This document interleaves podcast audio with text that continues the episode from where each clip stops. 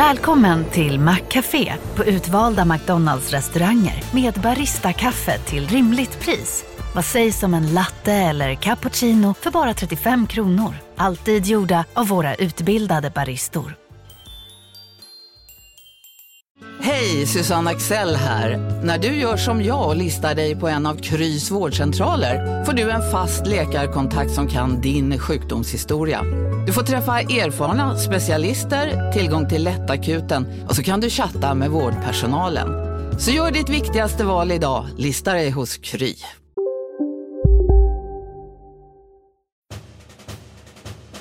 Från Monopol Media, det här är Kapitalet med mig, Marcus Morey Haldin. Och med mig, Gunnar Harjus. I've never done a podcast type of thing before, so this will be this should be quite interesting. När Jamie Baxter var liten på 80-talet så kom den ganska fåniga actionfilmen Red Dawn, eller Röd gryning på svenska, som handlar om att USA blir invaderat av Sovjet och deras allierade Kuba och Nicaragua. Men ett gäng vanliga tonåringar i en småstad med Patrick Swayze i spetsen startar en gerillagrupp som kallar sig Wolverines och börjar frita fångar. Jag, har inte sett Red Dawn, men känslan är att eh, det kan vara liksom en del kalla kriget-propaganda i den. Alltså, det låter som en riktig sån eh, 80-talsrökare. Helt korrekt. Me and my friends used to like pretend in the schoolyard, like, oh, I'm the rescue this time, and you know, I'm invading, and then they we'd switch roles, and you know, Wolverine, you know, just we were just like awesome. We thought it was such a great story. Sen när Jamie Baxter växer upp så blir han en VFX artist och digital compositor. VFX, alltså visual effects, någon slags specialeffektsperson. Japp. Han jobbar i LA och har varit med och gjort digitala effekter i allt från eh, Wolverine till Mupparna. Och enligt honom så kan man dela upp specialeffekter i två kategorier. So you got the eye candy, money shot effects, Avengers, Isengard, Gollum, you know, Thanos. Those are so obvious. It's like, yeah, Isengard doesn't exist. 2011 så jobbar Jamie på ett bolag som heter Custom Film Effects och de gör mindre grejer i bakgrunden kan man säga. What was our bread and butter and a lot of more work out there, which was the hidden or fix-it effects. Damn it, there's a crewman in the in the shot standing over there. Starbucks coffee cup. you know, things like that. Alltså det är verkligen bara så att fixa till typ små fel och göra att allt ser bra ut och kanske att Patrick Swayzes hy skiner. If you realize I was there, then I've done my job badly. En dag så får Jamie och hans kollegor på effektfirman ett ganska stort jobb. Det är nämligen så att det har spelats in en ny version av den där 80-talsröken Red Dawn. Den har verkligen gått mig förbi, men det förvånar mig inte eftersom Hollywood bara gör remakes nu för tiden. Jobbet är stort. Det är liksom många scener som ska tvättas, men det de gör är ganska standard. To us, it was another patch and track job. You know, replace something for something else because someone up the food chain far more powerful than us didn't like what was being shown. Men det som är ovanligt med det här gigget är inte jobbet i sig, utan anledningen till att en massa saker i en massa scener ska ersättas. För när den här nya Red Dawn spelades in två år tidigare med Chris Hemsworth i huvudrollen, då är det inte längre Sovjet som kommer och invaderar USA, utan det är Kina. Nya tider. Men när den här nya versionen av Red Dawn blir känd för världen under själva produktionstiden, då blir kinesiska statsägda medier inte direkt glada. De skriver att det är en propagandafilm, en attack på Kina. Mm. MGM, filmbolaget bakom den här filmen, som just då dessutom står på randen till konkurs, ställs då inför ett beslut. Rakryggat stå upp för sin originalidé? Nej. Göra om filmen i postproduktion för att försöka komma in på den växande kinesiska marknaden? Ja. Och det är då nu som Jamie Baxter och hans kollegor liksom blandas in för att rädda filmen. Deras jobb blir att ändra allt man ser så att den invaderande skurkstaten förvandlas från Kina till Nordkorea. The flags were pretty obvious. The patches were pretty obvious. And we were doing the, yeah, the caps that had the patches on them. Okay, patches, flags, uh, signage, obvious. Then they're going, no, no. We also have to do the uh, baking collars because they're different in Korea. Are you serious? In some of the shots, you don't even see them. Och det här med ranking colors som han nämner, det är då gradbeteckningarna som sitter på olika delar av uniformen som då skiljer sig åt mellan Kina och Nordkorea. Jävla mardröm och så frame by frame ändra sånt här. Jamie är inte den enda som behöver jobba med att göra filmen mindre Kinafientlig. Andra underleverantörer tar hand om andra delar, som att dubba om all kinesisk dialog till koreanska. Men för Jamie och hans team, som är typ 15 pers, så tar det två månader att göra om filmen. I just remember it being long nights, very long weekends, a lot of weekends like working seven days a week, 12, 13 hours a day, easy. You know, sometimes sleeping at the studio, sometimes bringing the work home. Jamie och hans gäng gjorde inte det här gratis. De fick en miljon dollar för besväret. Och det här säger någonting om hur mycket ansträngningar filmbolaget lägger ner för att inte uppröra Kina och förhoppningsvis kunna visa filmen där. Jamies Red Dawn-jobb det kom mitt i en ekonomisk vändpunkt i filmhistorien. För när det här hände så var det i början på Hollywoods ganska färska kärlekshistoria med Kina och kinesiska pengar. Både på produktionssidan och på den biomarknad som idag har passerat USA som den allra mest inkomstbringande i hela världen. I dagens Kapitalet Historien om ett kinesiskt-amerikanskt resonemangsäktenskap där en av parterna kanske redan har lämnat in skilsmässopapperna.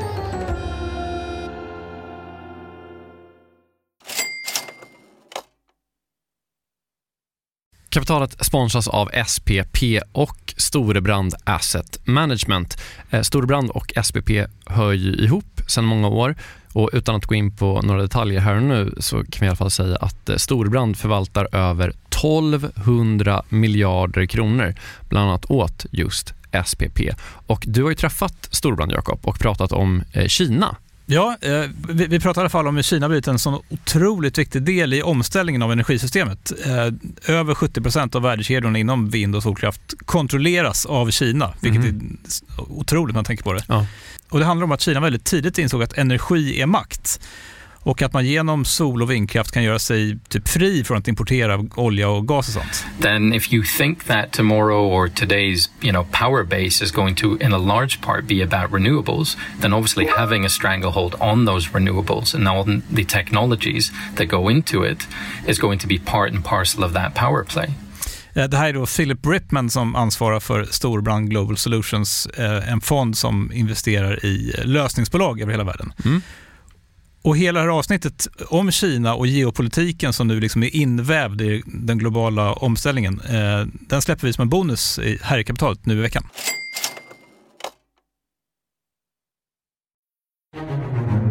Okej Marcus, så eh, Hollywood har under de senaste jag inte, tio åren, någonting sådär, haft någon slags kärleksaffär med Kina och kanske framförallt då, surprise surprise, eh, kinesiska pengar. Ja, och bara för att sätta det här lite i perspektiv. Filmindustrin är ju såklart superstor. Hela filmmarknaden, och då räknas home entertainment in också, ja. brukar räknas till någonstans runt 250 miljarder dollar. Och Kina är ju en växande del av den här kakan som alla vill åt. Men då, som du redan har hintat om, så är det kanske så att den här lilla kärlekshistorien är på väg att eh, ta slut. Alltså Kina-Hollywood-romansen. Jag tänker att vi backar till första dejten, till när den här kärleksaffären inleddes. Och för att göra det så ska vi backa till den första stora amerikanska biosuccén i Kina. En film med så stor känslomässig impact att den drog in liksom 44 miljoner dollar som ingen hade räknat med och fick den kinesiske presidenten Jiang Zemin att prata om hur bra den var under ett tal inför nationalkongressen. Vi pratar om James Camerons Titanic. Alltså på riktigt höll han ett tal om liksom Rose och Jack inför nationalkongressen. Det låter helt orimligt. Alltså han pratade om hur rörd han hade blivit. Men det var inte det som var det viktiga. Det var inte därför att han bara vänta innan vi tar den ekonomiska politiken så måste jag bara berätta om en riktigt bra rulle jag såg i helgen. Utan det han pratade om var hur bra filmen var på att påverka publiken.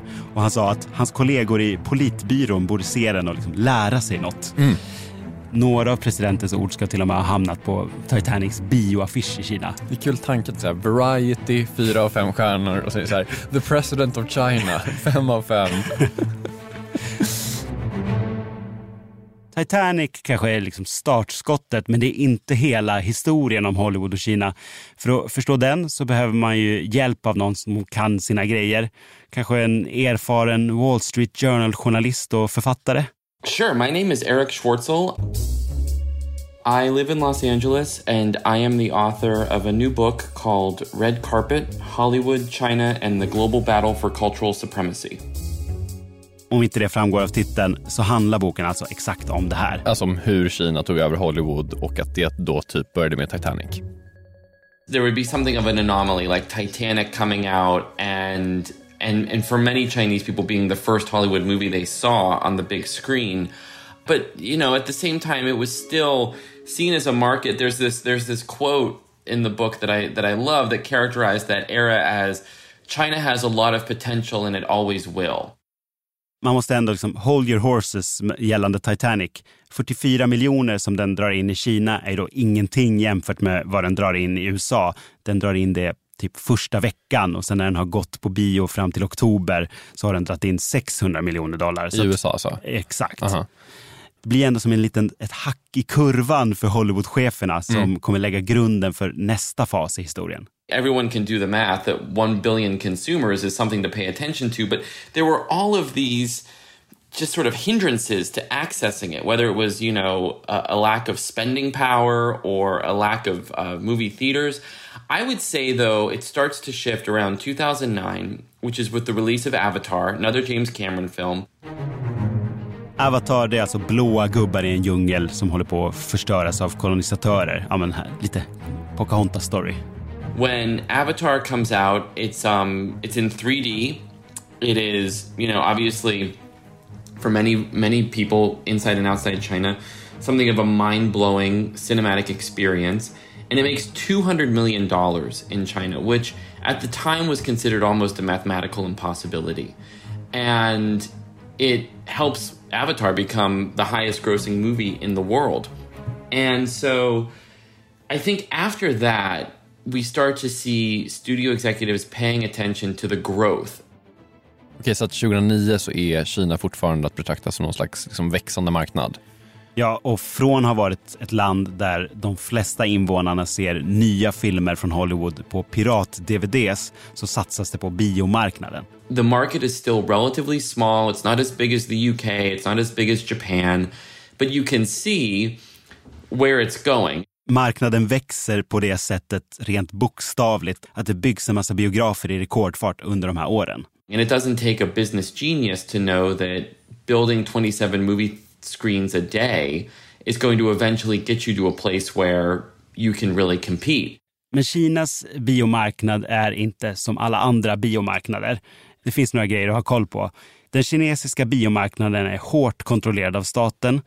De vill gå en balansgång där de å ena sidan vill få in pengar från Hollywoodfilm. Å andra sidan så vill de ha en stark inhemsk filmproduktion. Och några sätt som de gör det här på är att de tar en större katt av biljettintäkterna än vad liksom amerikanska kedjor gör. Och en del av de intäkterna går då tillbaka till kinesisk film. De liksom subventionerar sin egen filmindustri med hjälp av Hollywood då, kan man Ja. säga lite grann. Men Kinas kanske viktigaste vapen slash verktyg för att upprätthålla den här balansen är via de statligt ägda distributörerna som bara släpper in ett visst antal utländska filmer varje år. Och det är för att komma igenom det här nålsögat som Hollywoodstudiorna börjar ändra på innehållet i sina filmer. And so that's why around 2012, 2013, when I joined the journal, you started to have studios not just doing what they could to avoid losing access to the market, but changing movies and, and greenlighting movies that would appeal to the market. Okej, så det var liksom därför som filmbolaget bakom Red Dawn bara, eh, skulle vi kunna ändra på det här kanske? Om Kina är liksom skurken så är chansen eh, väldigt, väldigt, väldigt liten att det blir liksom av, att de, filmen kommer få visas där. Det är bara så enkelt. Ja, men det blir ju en no-brainer.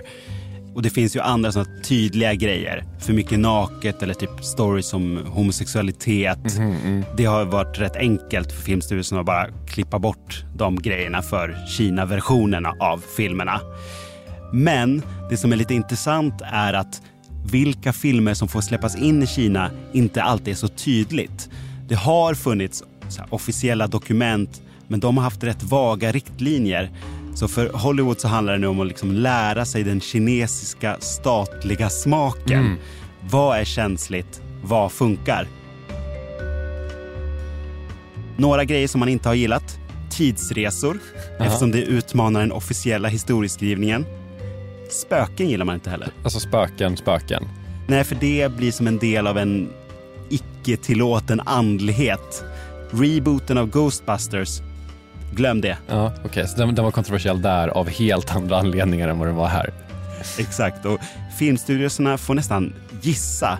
Warner Brothers klippte om remaken av It, eller Det, två gånger för att försöka få in den i Kina. Är det den med Bill Skarsgård? Exakt som den läskiga clownen Pennywise, Ja. som man då skulle kunna räkna som ett spöke. Georgie, meet Pennywise. Vad gör Warner Brothers då? Ja. De sätter in en textruta i början som förklarar att Pennywise är en alien. Okej, flög det då eller? Nej, de lyckades ändå inte få in den. Onda- Tråkigt att liksom försöka komma på. Det, det finns, um, fanns ju liksom under kalla kriget, för att gå tillbaka dit, fanns det något som heter kremlologi, som att man skulle liksom försöka förstå vad som pågick inne i liksom, den sovjetiska liksom, partiet. Att man så här, fick tolka tecken. Och så här. Det här är ju liksom lite samma sak, fast det är, det är så kul att man gör det med typ, hmm, vad kan vi säga att Bill Skarsgård är för någonting? Ja, andra gånger är det ju tydligare exempel på vad folk ändrar. World War Z, en zombiefilm med Brad Pitt, där skriver de om en del av manuset så att viruset inte kommer från Kina. Men ibland blir det tvärtom, att man adderar istället för att subtraherar. Man stoppar in kinesiska skådisar eller så utspelar sig plötsligt en ganska stor del av en film i Kina för att vända sig till den kinesiska publiken. Ofta ganska krystat kan jag tänka mig också. Verkligen, som i den fjärde Transformers-filmen. Tänk att det finns så många. Ja. Paramount som gör den här serien, de hade upptäckt att de tidigare Transformers-filmerna hade dragit in asmycket i Kina. Så de bara, vi fortsätter, vi går all in på det spåret. So they cast Chinese actors, they put chi- Chinese product placement all over the film, even though it makes very little sense. Uh, I mean, there's a scene where Mark Wahlberg is is eating, or I don't know what he's doing with chi- with protein powder, Chinese protein powder, but he's in Chicago. Like, there's no explanation as to how he got it in Chicago. And um and and then they even go so far as they filmed about a third of the, the movie in China and Hong Kong. And then I think you know, perhaps most tellingly, they gave the script to Chinese authorities for approval before they they went they took their cameras over. And the Chinese authorities at the time requested a change to a scene at the end of the film where Hong Kong is being destroyed by these giant robots, and the American or Western heroes come to save the day. And the Chinese authorities said, you know, we'd actually prefer it if China came to the rescue of Hong Kong first. We gotta call the central government for help. 我即刻去打。走啊，快啲！ And so it was kind of random, but there's this moment where we cut to Beijing, and the Beijing defense minister says that China will protect Hong Kong at all costs.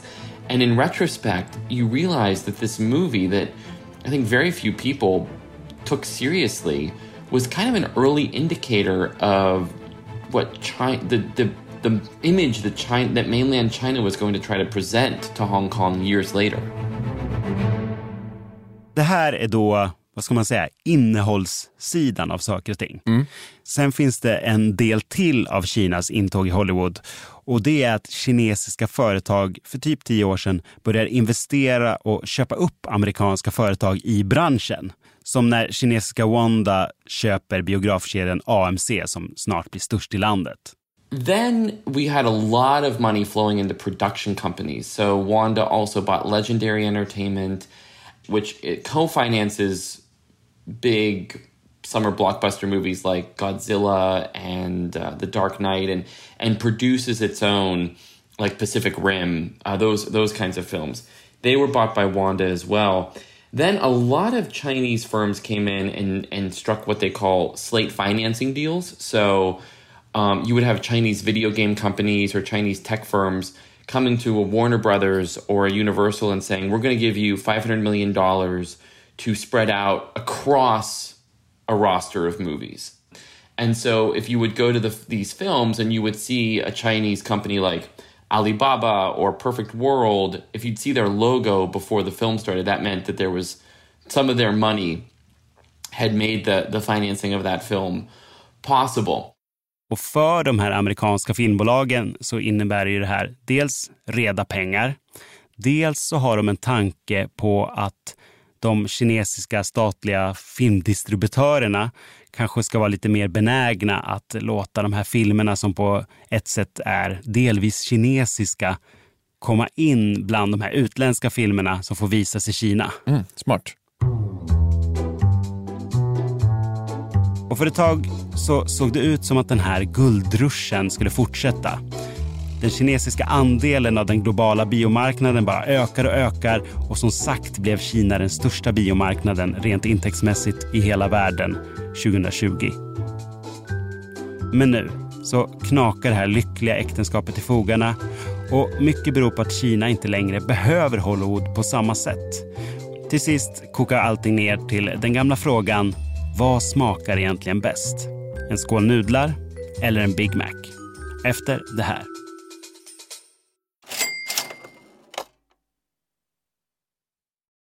Jakob, vi har ett samarbete med Pareto Business School och det här är jag rejält nyfiken på. För att eh, eh, så här, vi jobbar ju sida vid sida, bokstavligen, sitter bredvid varandra och då och då så håller du upp ett finger och säger nu måste du vara tyst i en timme för nu ska jag eh, göra något Pareto. Exakt. Ja. Eh, jag gillar ju att lära mig nya saker, det gör ju många journalister. Eh, så den här våren går jag då en åtta veckor lång så kallad mini-MBA. Alltså jag hade gärna gått riktig MBA också, men, men ja, jag har inte tiden det kräver och, och framförallt ingen arbetsgivare som vill betala 800 000 för att låta mig göra det. Nej, eller kanske du har. Du är ju arbetsgivare. ja, snål, snål arbetsgivare. Mm. Det är då Jens Bäckbom och Mattias Eklöf, två svenska entreprenörer som har skapat den här utbildningen just eftersom det finns ett gigantiskt hål mellan typ YouTube-filmer och en, en riktig MBA. Ja, och det här är då Pareto? Exakt, Pareto ja. MBA. Eh, Paretos utbildning kostar cirka 25 000 kronor och, och, under åtta veckor så lär man sig jättepraktiska och tillämpbara modeller för hur man startar, skalar upp, driver och säljer bolag. Eh, Jens och Mattias eh, de håller själva i många föreläsningar, de är garvade entreprenörer båda två. Mm. Och som man så här, olika gästföreläsare som kom in. Mm. Typ någon kille som, som, eh, var expansionschef på Spotify, någon som körde marknadsföring på Revolut, eh, en kille som driver Sveriges största campingkedja, mm. som har varit med i kapitalet faktiskt, okay. Johan Sör. Ja. Ah, just det. Också varit en helt otrolig svensk eh, entreprenör som byggt massor med grejer i Vietnam. Alltså makalösa berättelser. Oh, wow. Eh, så den här kursen består av en blandning förinspelade moment och seminarier, men man går också i då så kohorter tillsammans med andra deltagare från Sverige och utlandet. Jättenyttigt, eh, tidseffektivt och funkar jättebra för, för den som vill driva egen verksamhet som, som typ vi gör här. Eller om man typ driver projekt och affärer i större bolag. Wow. Om man är taggad på att eh, bli en del av den här, liksom, vad ska man säga, Jakob skolan om man vill bli som dig, lära sig lika mycket som, som du har lärt dig, vad, ja. vad gör man då? Eh, nästa kursstart är 5 april, så vill man ta ett kliv framåt i sin utveckling eller karriären eller så, gå då till arbetsgivaren och kolla om du inte kan gå den här utbildningen. Priset ligger alltså på 2500 euro, men ni får 10% rabatt om ni anger Monopol Media som referens när ni eh, gör er anmälan. Mm. Eh, man kan också gå in på paretoschool.com för att eh, läsa mer och ja, se lite smakprover från själva utbildningen. Då. Mm. Så att eh, man sparar jättemycket pengar för att gå Handels MBA och man sparar ytterligare pengar om man tar del av Monopol Media-erbjudandet. Ja, exakt. Ja, en no-brainer som vanligt. Mm. Plus att man blir ju eh, alumnkollega med mig då. Verkligen. Så stort, stort tack till eh, Pareto Business School och eh, gå in på paretoschool.com. Okej, så att de senaste typ tio åren så har kinesiska pengar blivit allt viktigare i Hollywood. Dels då liksom har man sett att Hollywoodfilmer anstränger sig för att komma in på den kinesiska marknaden, men också då att så här, kinesiska företag har investerat eller till och med köpt hela amerikanska bolag i filmbranschen men nu då så håller det här på att ändras. Ja, eller om det inte redan har gjort det. Enligt Erik Schwartzel på Wall Street Journal så började det med de kinesiska investeringarna i USA när Dallin Wanda, som redan ägde amerikanska biografer och produktionsbolag, försökte ta sig in ännu mer på marknaden 2016. Wanda really got over its skis and it tried to buy Dick Clark Productions, which is an American firm that, uh, that produces the Golden Globes and a bunch of other award shows. And and and Wanda came in and said that they wanted to buy Dick Clark for a billion dollars.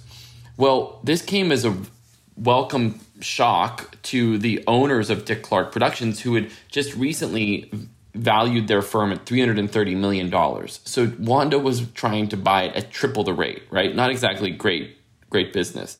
Och det här gjorde då att Beijing började ana att den här pengaströmmen ut från Kina in i Hollywood kanske inte bara handlade om att liksom stärka Kinas kulturella kapital och nöjesindustri, utan det kanske lika gärna kunde handla om att få ut pengar från Kina och in i den starkare amerikanska valutan. Någon slags liksom, alltså att de var beredda att betala tre gånger så mycket bara för att ha sitt värde i dollar istället för i yuan. Exakt, och i slutändan skulle det kunna försvaga tilltron till den kinesiska ekonomin.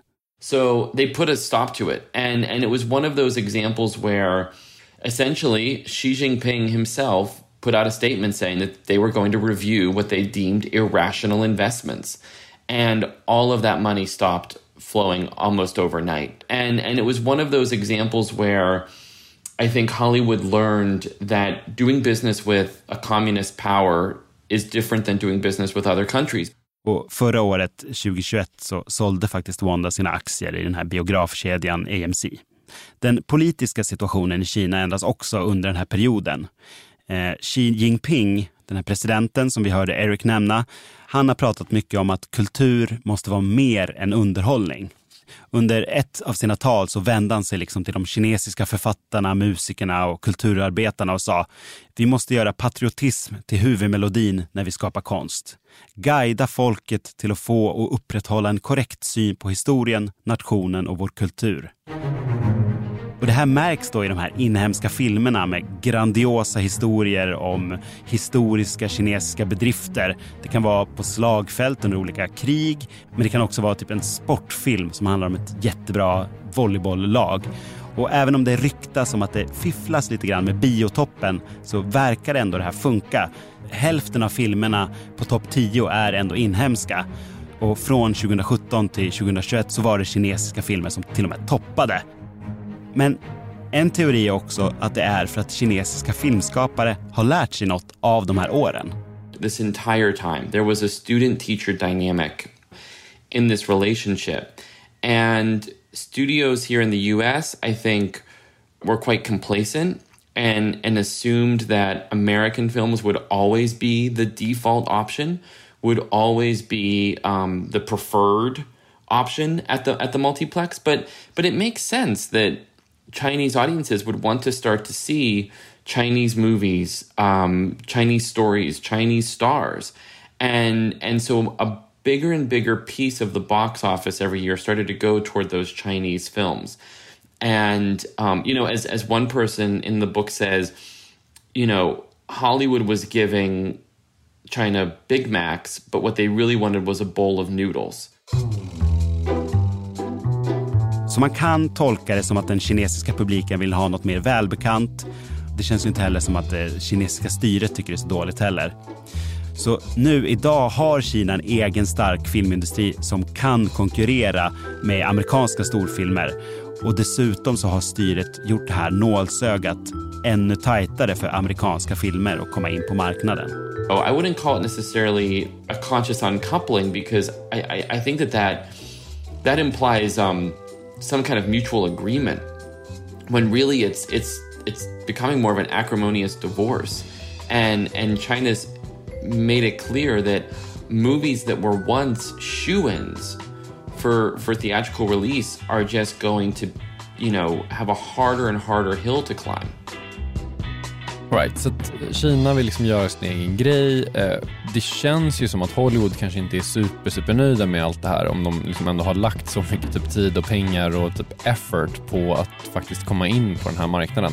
Plus då att det handlar om bara så här objektivt sett jättemycket pengar. Eh, de måste väl göra någonting, eller? Ja, alltså det är inte som att de har glömt Kina. Kina är och förblir en viktig marknad. When a movie like Jurassic World is is greenlit and and put into production, the executives will have a meeting where they'll say, okay, based on you know previous performances and our projections, we expect this movie to make X amount in the US, Y amount in the rest of the world, and Z amount in China. Um, China is big enough to get its own column. But it also shows you that there are essentially three legs to the stool, as it were, when it comes to whether justifying the cost of these huge franchise films. Det som är skillnad nu då jämfört med några år sedan är att Hollywood kanske kommer välja sina strider för att komma in i Kina. Ett exempel på den här nya världsordningen är historien om nya och gamla Top Gun-filmerna. Första Top Gun med Tom Cruise i huvudrollen som en stridspilot kom 1986. Ja. För några år sedan så fick världen reda på att det skulle komma en ny Top Gun-film. Top Gun Maverick. The end is inevitable, Maverick. Your kind is headed for extinction. Maybe so, sir. But not today. Och för några år sedan så släpptes då en trailer och det kom en affisch. Och då la publiken märke till att det var någonting som var lite konstigt. Tom Cruise har liksom på sig samma ikoniska bombarjacka som han hade på sig på 80-talet. Men någonting hade hänt. Där det förut satt ett tygmärke med Taiwans flagga så var det nu ersatt med en helt annan nonsenssymbol i samma färger. Mhm, för Taiwans flagga har liksom plötsligt blivit typ lite kontroversiell om man kanske vill plisa Kina lite grann. Ja, det blev såklart en massa skriverier och snack om att den här Taiwan-flaggan var borta. Sen blir det covid, allting hamnar i malpåse och sen nu i år, 2022, så kommer filmen ut på bio och då är Taiwans flagga tillbaka på Tom Cruise bombarjacka. Och någonting kanske det här säger om de liksom amerikansk-kinesiska relationerna overall. the understanding and the perception of China has changed dramatically. And so I think certainly American politicians and to a lesser extent, but a growing extent, American consumers are aware of these concessions and, and speaking out more and more against this kind of acquiescence. And so a movie like Top Gun, which I mean, think about who's going to see Top Gun here in the U.S. It's go, it's going to be it's older moviegoers. I'm I don't know this to be a fact, but I'm sure they skew more conservative than the typical blockbuster audience. You know, a story about Top Gun of all movies conceding to the Chinese Communist Party was probably going to do more harm alienating American fans than it would helping the case of the movie get into China. Man undrar ju då när det här hände, liksom, alltså att tygmärket ersattes. Alltså var det någon stackars sån special effects-människa som Jamie som var tvungen att liksom ersätta det där tygmärket på ryggen och du vet, sitta och gå igenom hela filmen och sen ändra tillbaka igen. Alltså, om det var så, så tror jag inte att det var så farligt som det var när de gjorde Red Dawn.